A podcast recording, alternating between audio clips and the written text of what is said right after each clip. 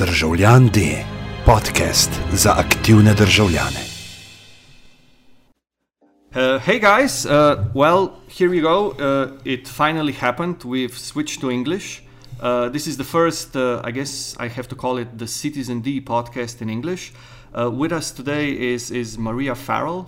she's coming, or she, she flew here from, from, from basically Edinburgh? London. From London. From London. There you go. From that other, you know, non-European, non-European country. So sorry um, you you gave a talk. So Maria is a is a writer and uh, independent consultant. Um, your expertise is basically uh, internet policy development. Uh, I love hearing that. You know, internet policy is something uh, I'm very passionate about, and at the same time, not many people get it, or not many people do it. So maybe before we, we start with the with the topic of this of this uh, of this uh, of this podcast of the theme of this podcast maybe just one question about you know exactly the the internet policy what is that and why is this such a such a hard thing for people to to grasp yeah, that's a great question. Well, first of all, thanks for having me on Citizen D. Mm. Um, so, well, I, will I'm probably should, I, it would be better if I told a story about, seeing as I'm obsessed with stories, but mm-hmm. also about how I got into this whole thing. Because it's been about 20 years that I worked in internet policy. And in fact, now I almost call it technology policy because, you know, the internet is embedded in everything. Mm. But I started because I used to work in TV and film production in Ireland uh, in the mid late 90s. And um, it was the time when the internet was becoming popularized and the World Wide Web had been invented. So people were, you know, you used to type in uh, URLs um, into your browser back then and kind of go www. dot um, let me think, IBM.com, and to see like have they registered that name yet? Will mm. there be a website there? you know, it's kind of another mm-hmm. another world. Um, and so it was all just starting off, and I really had the because my background of education is in history and politics. Mm-hmm. And there were a lot of people around that time saying, oh, the internet is going to liberate us from the state. It's going to save us from kind of state power. And we're all going to be living in this libertarian paradise where individual rights are going to be supreme. And it's basically all going to be sort of rich middle class white guys from the west coast of America declaring their independence of the rest of humanity. And I am just completely allergic to that kind of nonsense. so so, you know, and that was the sort of thinking that was around at the time. And he's he's kind of maligned a bit, but John Perry Barlow, who had been the lyricist for the band The Grateful Dead, mm-hmm. he came up with this fantastic manifesto for the internet, how it was going to um, basically tear down states and be this alternative source of power, and it was going to liberate people. And the ideas behind it are fantastic, and I do, you know, I think he was trying to do something beautiful. Mm-hmm. Um, but because I tend to see things politically, I tend to think about okay, so if we're changing power relations, mm-hmm. um, why would you assume that power is going to go from people who have power to people who don't have power? Mm-hmm. You know, is the internet just going to replace one set of rich white guys with another set of rich white guys? And oh well, mm. 20 years later, actually, I think we're finding there has been a bit of that. So I kind of got into I just decided, right, there's going to be political questions here and policy questions, you know, which is when you drill down and say, how does it really work? And I want to be involved in those. So that's why I got into it. And, mm-hmm. and then I suppose a little bit, you know, and so I started, I did a master's at the London School of Economics, and they didn't quite know what to do with me because I was saying, look, cryptography is really important and it's mm-hmm. really political. Mm-hmm. And so I was doing some research on that and, and got into working on it. Um, but a- around that time, also, there was a book I'm going to give book suggestions to your, to your listeners. Um, but this one is, is almost a historic text at this time, but it's by an American lawyer called Lawrence Lessig, mm-hmm. L E S S I G. And his was, I think it was called Code is Law. Mm-hmm.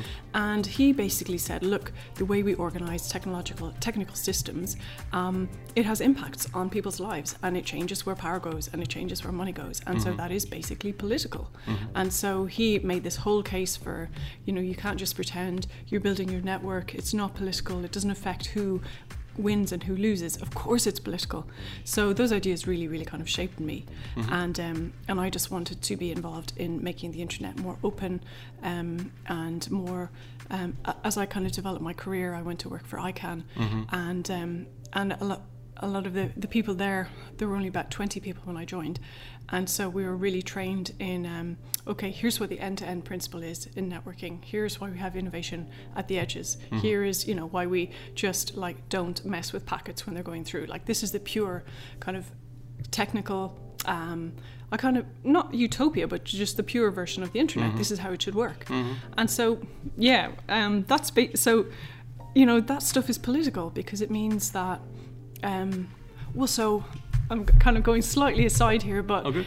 the uh, internet policy is political because in the US just yesterday, mm-hmm. the Federal uh, Communications Commission decided to get rid of net neutrality. And that basically means that all of the telcos can decide which content goes over mm. their networks. And big companies like Google will be able to pay for their content, but small new companies won't.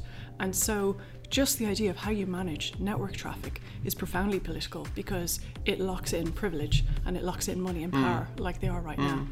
But you know, building on, on what you just said and looking back at you know technological cycles in, in let's say television of development, so television, you know, radio and, and even you know basic mass media, it was always like that. So you always had this this first period of openness mm. and total you know yeah. accessibility and then when you got the, the critical mass you know yeah i saw you write down tim wu and the, the master switch it's like a bible so I, I, basically all the time i'm referencing like five books two of them are from tim wu one is from uh, sergei morozov oh, the yeah. net delusion and yeah. the click here and there's there's uh, uh, there's a one from Clay Shirky, but just because I want to you know contra- so I want to mm. show how the Americans got it wrong generally. You know how yeah. this this techno optimism, you know, as you said, technolo- technology will solve everything, it just doesn't work.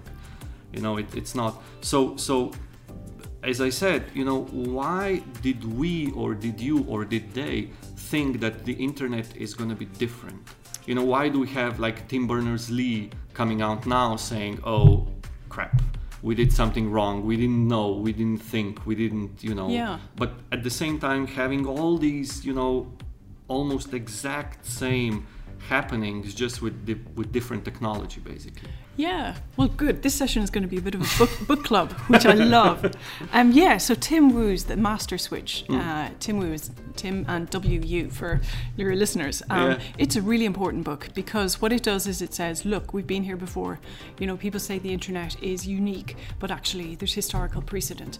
And he talks about radio and he talks about television. What else? Oh, of course, uh, most importantly, the telecoms mm. networks, you know, yeah. Telephones. Yeah. And how when these things get invented, people think they're going to um, you know be liberating and change power structures and then very very quickly mm. what happens is they tend to get uh, turned into monopolies or at least very large oligopolies so they're controlled by a very small number of companies um, and so and he's right and so so your question really is why did we ever think the internet was going to be different yeah um, I think I mean when I look at so so I've been lucky enough to to work somewhat closely with some of the people who invented the mm. internet. Mm. Um, um, and, you know, they would say um, that they sort of knew all of that, the Tim Wu case, that these technologies get uh, owned and pawned a little bit. Mm-hmm. And, and so when they started this thing, they really tried to bake in so into the protocols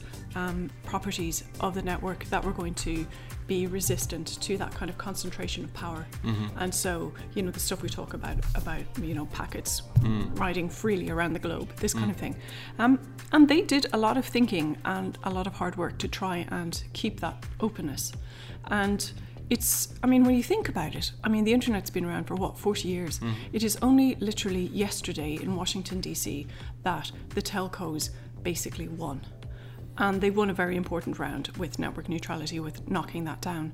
But um, in a way, it's a success in that it's lasted this long, mm. and that there's still enough people out there who know what the real internet looks like. Mm-hmm. But then some of my work, um, you know, involves developing countries and how they conceive of the internet. And so you've got a Facebook who goes into, mm. say, a middle-income country, um, a Pakistan or a Nigeria, mm. Um, India, or India, indeed, yeah. yeah and says, "Look, guys, we're going to give you free network access as long as basically your your internet just looks like Facebook, and Facebook is is is the way you get at everything else on the internet. Hmm. And some of the numbers you see, I mean, are shocking. Something like seventy percent of people Hmm. in those countries that have been surveyed say they basically think Facebook is the internet. So I suppose the answer to your question is why do we think it would be different this time? Is Hmm. it has been different and it still can be different.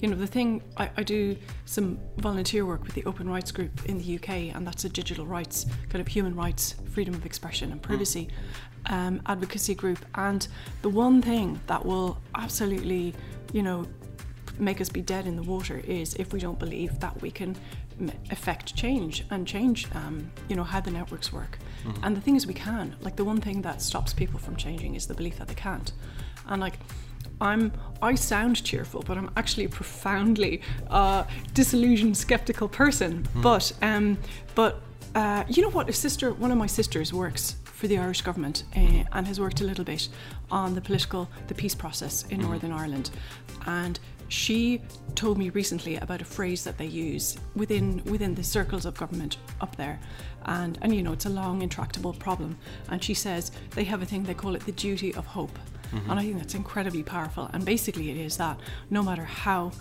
awful things look at any given moment, and they have looked really bad many times, that the people who are working there have a duty to hope, you know, mm-hmm. and had they not done that, and had they not kind of in sort of emotionally disciplined themselves in that way, we would have no peace process. Mm. So I sort of, in a smaller way, I think of you know our coming technological overlords and surveillance capitalism and life in the stack, and I kind of think we have to maintain the duty of hope mm-hmm. because otherwise we're going to roll over and be dead. uh, and not trying to squash that, but uh, and because I'm, you know, I'm. They call me the the, like the the, the most. Uh, um, the most realistic optimist in, in in here or in the in the community because I I think basically the same way. So if you if you fold on yourself, then others don't don't need to do anything else. You know, you're basically folding. You're, you're you're giving them uh, the victory in, in the fight. But um, maybe one thing that bothers me related to the internet policy development is the is the uneven playing field. I mean, and I'm not talking about the US, where obviously the telecoms are the, the, the big players, and we we recently, so we're recording this on on 22nd of November. It's gonna air on the 15th of December, so there's a there's a bit of a time back gap. But we saw that that, that basically, you know, the, the politicians and the telecoms have this long-standing relationship we, where you know Google and Facebook and, and Microsoft and Apple and Amazon, they're still new kids on the block, so to speak. New kids on the let's say the political block. They don't have the relationships. They don't have you know they have the money. They just don't have the pockets to, to put it in. To put it mm-hmm. bluntly. So what bothers me is, as I said, this uneven playing field where you have groups that fight really hard, but they're not you know getting through because the other group is just so bigger and, and better positioned yeah. you know. Uh, and what can we do about that? So coming going back to the and we're going to move to, to another topic but just to be just to be you know to wrap things up with the internet policy how can basically a normal user or or a, let's say a developer or a programmer or a you know the the, the, the the, the owner of a let's say internet startup how can he she engage in this you know internet policy process Sure. Yeah. Well, first of all, um, we have to correctly diagnose the problem. And um, in, in public policy terms, there's a very well known phenomenon which is called a collective action problem. And so, basically, in, in really simple terms, it means that our politics tends to be dominated by producer interests rather than consumer interests. So, for example, you will have um, it's easy if you're a corn producer to get the government to artificially subsidize your price because there are just a few of you, you have a lot of money, and you can focus your interests very tightly. Whereas the people, everybody else who wants to buy your corn, they might want to buy it at a lower price, but because they are a diffuse, different bunch of people, um, and this is only a small part of their budget, they will find it hard to be reflected in the political process. And so, you know, when we apply that collective action problem, it's harder for them to organise and to be heard. When we apply that to the internet, we see that. Um, it's you know if you're a user of Google, you are going to find it really hard to get into the European Commission um, or get your voice heard. Um, and also, you will you know there are other reasons for that, but um, it's a classic problem. And so the the ways around it are we try to lower the cost of participation in politics. And partly people use the internet to do that which is lovely and great. You know it's easier to organize and um, to get people to protest and you know um, write letters to their members of parliament all of that stuff. Um, but i think we have to recognize yeah it's really it's really tough. You're up against some some big adversaries. And then but it's also complex because you know time was when to still a great extent a lot of internet related policy um, at the European level is still driven very, very much by, say, a company like Deutsche Telekom. So you see the national telecoms incumbents have always had a very um, disproportionate amount of power um, over telecoms regulation. Because they're producers rather than users. But then over time, the Googles and the Amazons and the Apples came into um, you know, started lobbying. And when they started, I mean, 10, 15 years ago, you know, I, I was around Brussels at the time, and their lobbying efforts were, on the whole, pretty um, uh, arrogant. They were bad at messaging. They didn't listen, and they've gotten better at that over time. And so sometimes I find myself looking at policy issues, thinking, okay, network neutrality. Telecoms are against that. Google is for it, so I'm for Google on this one.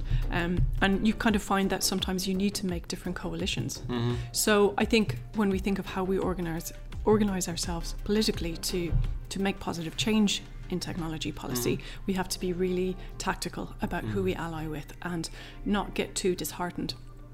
And then you asked a different question, which is really at the level of individual programmers, programmers, system analysts, and um, designers, and that. Um, I mean, we've got the duty of hope, but I think we also have the duty of, you know, sit back, have a think, who wins, who loses, why are we doing this, who's benefiting from it. I think we all have to do that all the time. It doesn't mean being cynical, but it just means just using our brains, you know, and and realizing that in you know in each of our like employment situations or um, you know, kind of the communities we're part of, we do have a scope of action and we have mm-hmm. to use it. And the more you mm-hmm. use it, the more you have. Mm-hmm.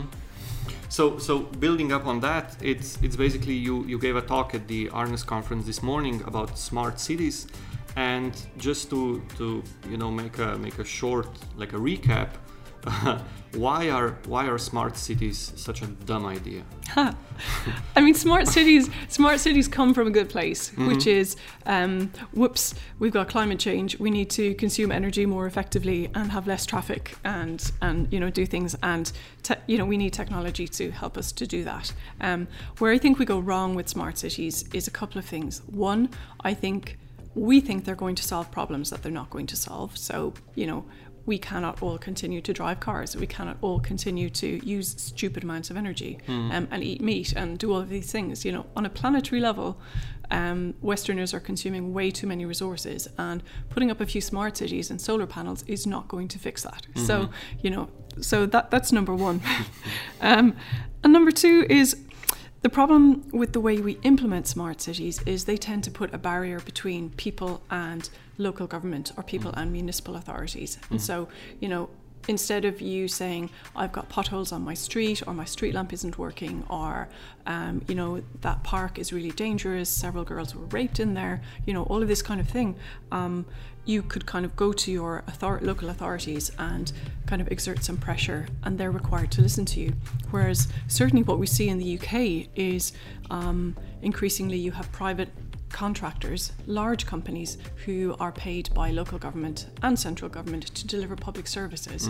Everything from um, housing of refugees to um, maintaining trees to you know all sorts of public services. And the problem is um, that the legal contracts that go around those um, services are all secret. They're private, and so you know they say, oh, there are non-disclosure agreements or there are proprietary terms, and that you can't, un- you know, you, you're not allowed to understand about how this contract is delivered because that would give you access to the company's private business processes. Well, hey, I mean, this is a city. This is public services, and so we're increasingly we're wrapping what the state used to provide.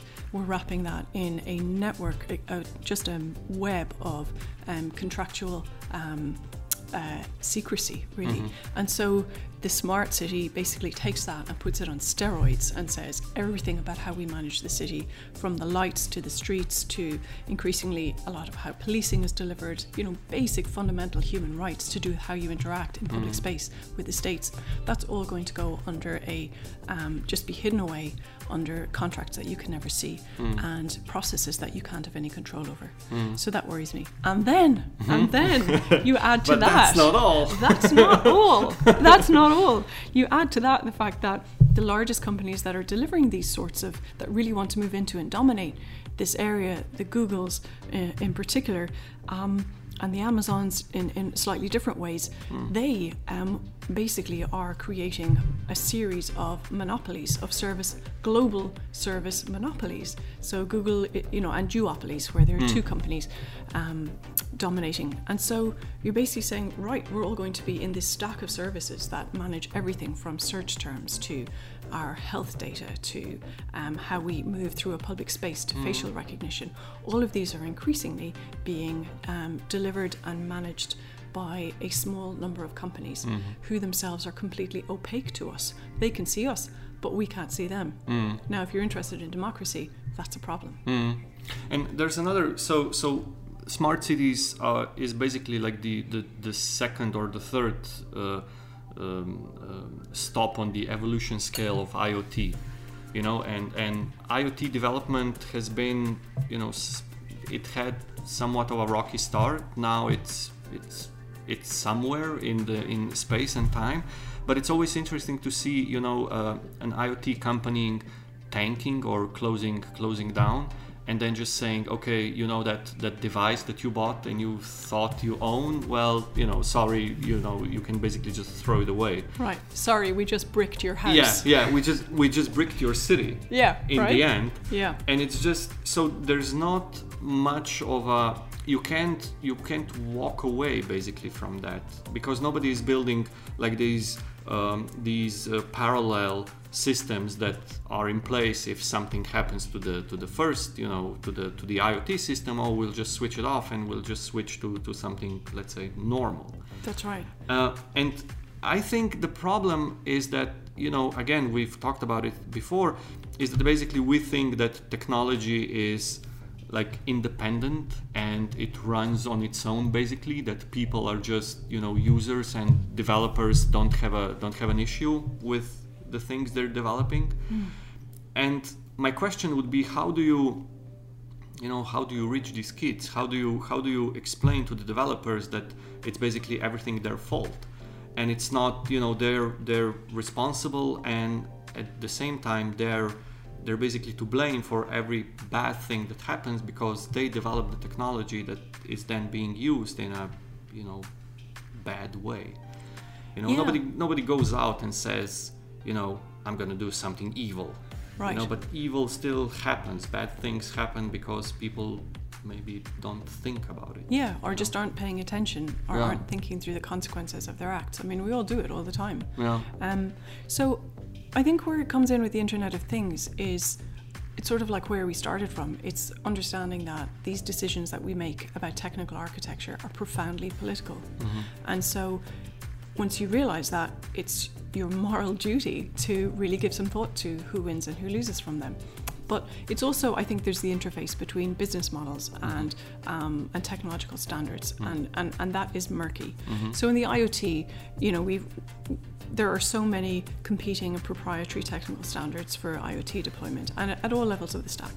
And so, you know, what that means is we're basically seeing different islands developing that have no um, that can't work. That you can't go from one island to the other. That's too much of a metaphor. Basically, um, I think so. The internet proper works on interoperability. That was the point. That's how it went around the world. Yeah. And so now that we're build, building the Internet of Things into cities, um, we're basically saying, oh, we're going to throw that model away and we're just going to have a proprietary model for just a few companies that are in one particular consortium and that all have kind of, you know, ways of working together and sort of well understood financial and economic exchanges, which are perhaps anti competitive as mm. well. Mm. So, so I think if you're a technologist or, you know, a finance or an operations person in that environment, you have to think about, well, okay, open technical standards there's a reason that we have the IETF. There's a reason why the internet spread around the world, and that is open standards. Mm-hmm. And so, you know, I see that as really, really political. So we have to look at how standards development is impacting the IoT. So if you look at a city like Barcelona, so they started off with the classic, you know, we are going to be the world's shiniest, sexiest city. Everything's going to be concrete and glass. We're going to have, you know, um, uh, incredibly fast internet everywhere. It's all going to be brilliant, and we'll be the the most tech savvy city in the world.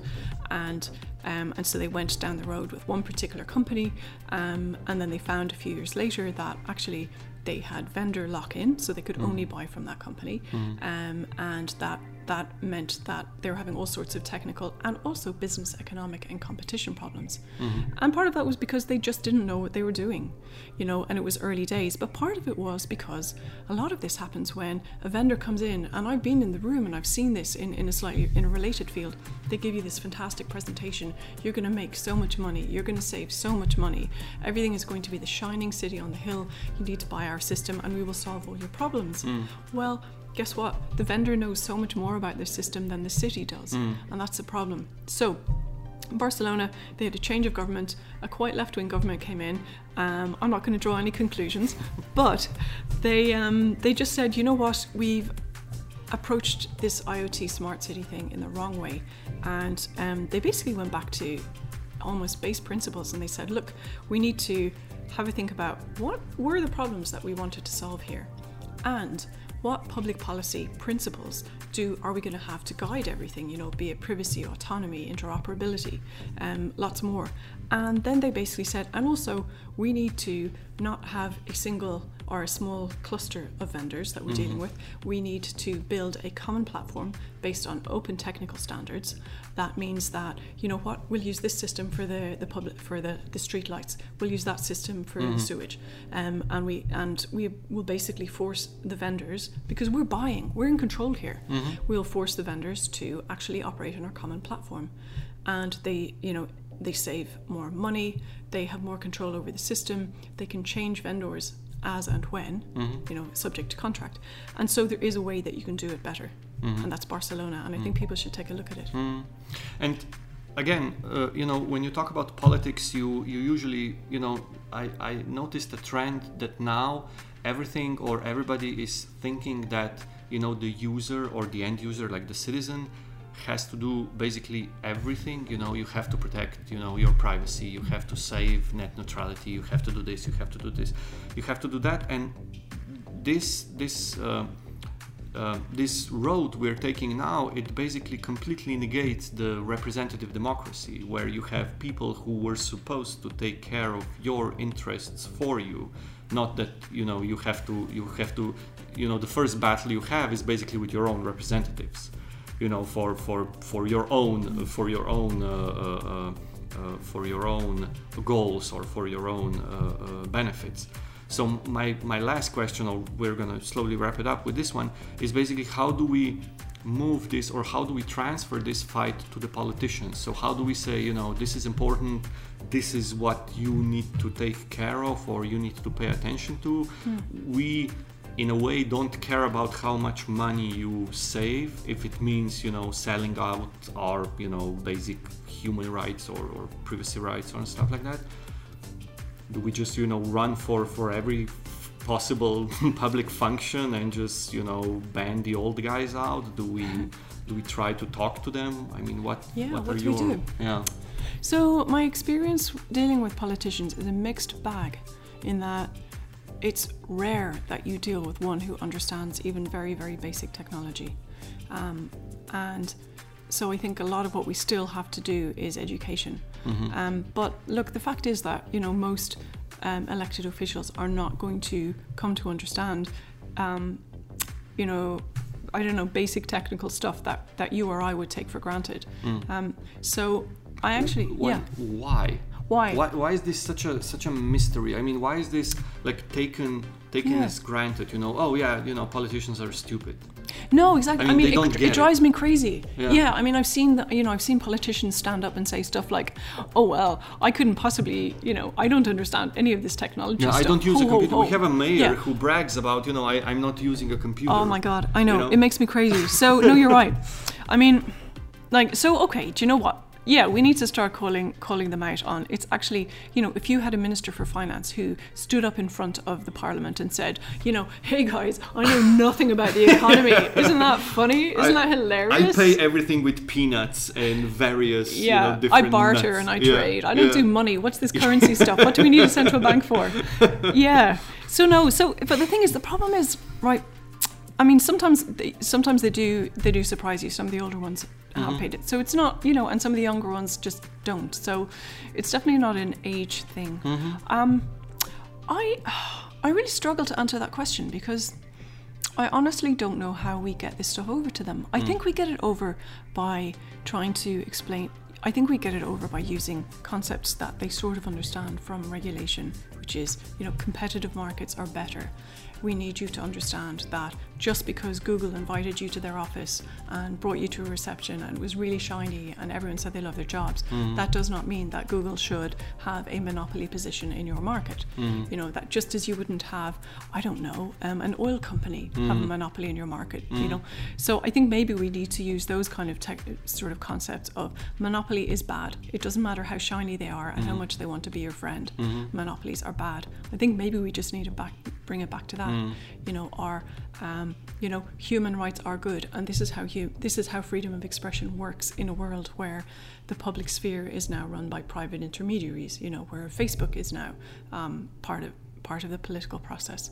Um, maybe we just, you know, maybe we need to get away from this technological exceptionalism, the idea that technology is somewhere on the side and that it's not infused in everyday life, but also technology is not this special category of human behavior, you know, that isn't subject to um, power plays and um, monopoly and human rights abuses and nastiness that I don't know. That sounds very negative, but the fact is that technology is being used to do to accomplish pretty nasty things right now. We just have to look at our electoral um, outcomes.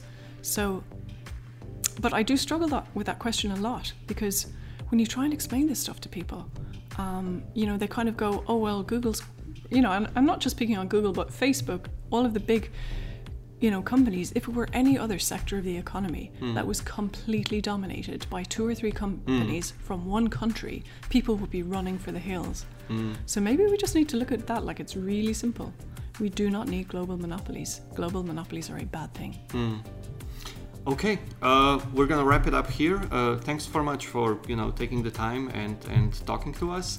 Um, hope to see you again. Thank probably you. in Slovenia. It's a lovely country. You know we have lots to offer. Uh, hopefully, you know the next time you'll come, not everything will be you know IoT'd and we, we, we won't be living in, in, in a smart cities focusing on, on technology, but you know Ljubljana and Slovenia will be like a country that, that has smart people which you know deny smart technology, you know, and use you know uh, that you will have a country that that has smart people using stupid technology. And smart people doing good things and being participatory citizens in their own democracy. There you That's go. what I want to see. Thanks again. Uh, hope to see you soon. Uh, thank you for listening. Uh, this was the last uh, episode of Citizen D for this year. Uh, Happy New Year, I guess. It's it's you know 15th of December. Uh, stay smart, and uh, we'll see you next year.